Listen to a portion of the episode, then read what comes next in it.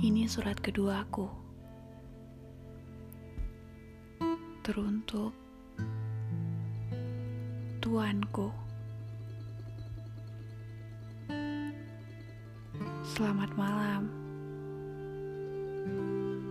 Maaf, lagi-lagi mengganggu malammu sebentar, Tuan. Tapi, semoga kau tidak merasa begitu terganggu. Sekarang, entah mengapa dalam tiap makna yang sengaja aku tulis tersirat, aku sedang ingin menyampaikannya dalam bentuk sebuah surat.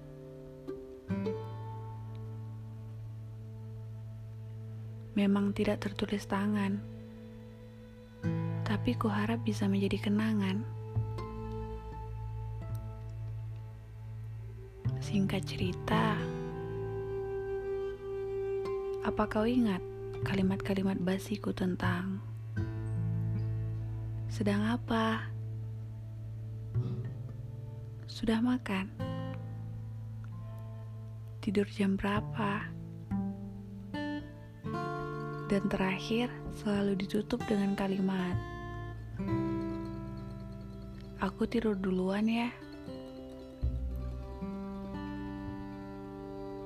Sudah lama ya tidak kukirim pesan-pesan membosankan itu.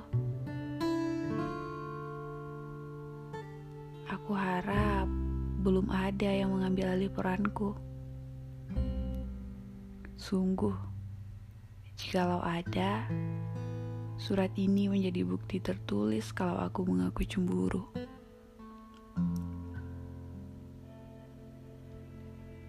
Namun, Entah mengapa semua kalimat membosankan itu kini terasa begitu tabu. Terasa berat untuk digiat jemariku.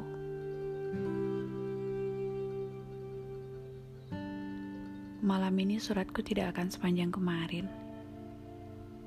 Hanya tiga atau dua paragraf saja. Aku hanya ingin memberitahu entah mengapa rasanya Aku sedang butuh sekali mendengar suaramu. Bahkan sekedar untuk melepas gundahku. Aku juga sedang ingin banyak-banyak tidur.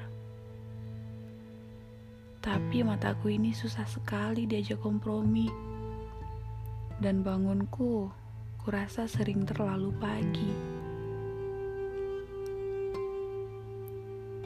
Hatiku pun kini sedang lembut-lembutnya.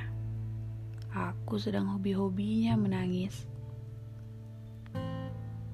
Tapi terima kasih. Di tengah aku yang sedang lemah di antara jarak yang tak terjamah, bayangmu selalu hadir tepat di tengah isak. Datang memeluk hangat melepas seluruh sesak. Perihal surat ini, bukanlah sebuah keharusan untuk kau balas atau tidak. Tapi kau memang harus memilih salah satu di antara keduanya. Tapi ingat, perihal aku tetap harus menjadi satu-satunya. Wah, boleh tidak ya?